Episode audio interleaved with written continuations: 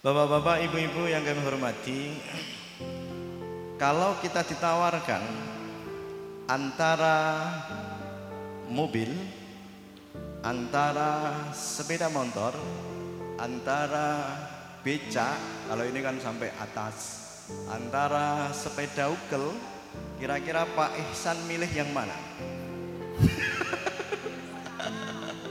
Pak Ihsan milih yang mana?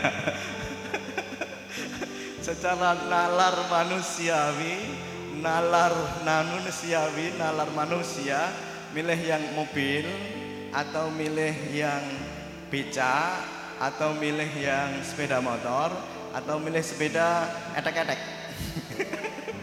milih apa Pak? Pak Fayakun milih apa? Mobil. Pak Yazid milih apa Pak Yazid? Mobil.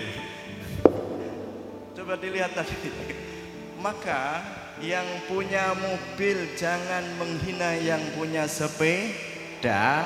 Sebegitu rupanya juga yang punya sepeda jangan menghina yang punya mobil. Kita namanya toleransi di jalan raya. Yang punya becak jangan menyalahkan yang punya alfa. Yang punya ini alfa atau ini mio ini Mio yang punya Alfa jalan menyalahkan yang sepeda etek-etek. Sepeda etek-etek jalannya jangan nyalahkan yang jalan kaki. Itu artinya apa? Di dalam hidup itu ada pilihan. Pilihan mobil pilihan becak pilihan sepeda pilihan roda satu. Tetapi pilihan itu pun harus sesuai dengan kemampuan, harus sesuai dengan kebutuhan kita ini. Hiduplah sesuai dengan kebutuhan, jangan hidup sesuai dengan keinginan. Karena apa? Allah Subhanahu wa taala akan memberikan kecukupan dalam hidup kita sesuai dengan kebutuhan tetapi tidak memberikan kecukupan dalam hidup ini sesuai dengan keinginan. Saya ulangi lagi, yang punya mobil jangan menghina yang punya sepeda ukel, jangan menghina yang punya becak atau jangan menghina yang jalan kaki karena ada jalannya masing-masing. Kalau Pak Yazid seumpama tidak punya sepeda motor, sepeda ukel, dia jalan, jalannya di trotoar. Artinya apa? Dikatakan tadi bahwa yang punya istri empat, jangan menghina yang roda satu. Jangan menghina yang roda dua atau jangan menghina yang belum punya istri. Seperti Pak Yazid ini istrinya itu mungkin sudah terkubur. Nah sekarang yang lucu, yang punya mobil dihina oleh yang punya roda satu. Seakan-akan yang punya roda satu itu orang yang lengkap, orang yang tidak punya cacat, orang yang sempurna padahal sepedanya ini roda roda satu maka dikatakan di dalam Al-Quran ada fangkihu ma tobalakum dan nisai. Mana dua dulu sepeda motor dulu. Kalau ternyata tidak mampu atau pemikiran tidak mampu nah baru sepeda roda satu. Kalau ternyata tidak mampu wes jalan kaki saja tidak apa-apa.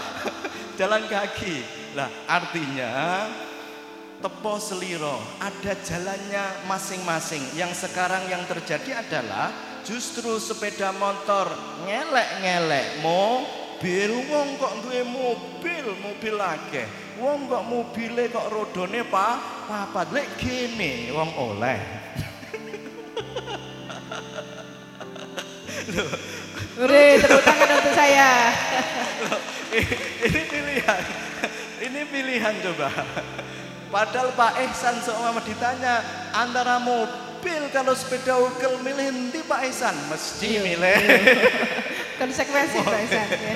Mau cuma ndak kuat membeli lah itu permasalahannya. Nah dari ketidakmampuan itu jangan terus dikuat-kuat no. Akhirnya nopo ngendat Pak Ihsan ra kuat makani. Bapak nopo mobil niki pajeke kathah. Dek sepeda motor ngoten pajeke 100.000. Mobil niki pajeke 8 juta per tahun. Lah mobil kula wonten 20, berarti rapi pinten? 8 juta ping 20. 100 swidak juta. Tapi niat saya adalah membantu negara. Sebab napa memang butuh. Butuh dam, butuh bis, kanggo kanggo Jumatan dan sebagainya. Oleh sebab itu, bagi para penyinyir-penyinyir dunia yang hanya baru mempunyai sepeda ukel satu atau roda satu jangan nyinyir dengan yang punya mobil. Sebegitu juga yang punya mobil jangan menghina yang punya sepeda ukel roda dua. Tapi saat sekarang ini terbalik sing duwe sepeda ukel koyo-koyo sempurna padahal cek kudanan. Itu kan di, dihapus kan Kapus. Milih putih Pak Ihsan, intinya Pak. Milih mobil, mau cuma rak kuat tuku. Ngantos Pak Ihsan niku kepengin di mobil ngantos diurun ke NO. ngantos ora kuat bayar di bensin disurung. Banget kepingin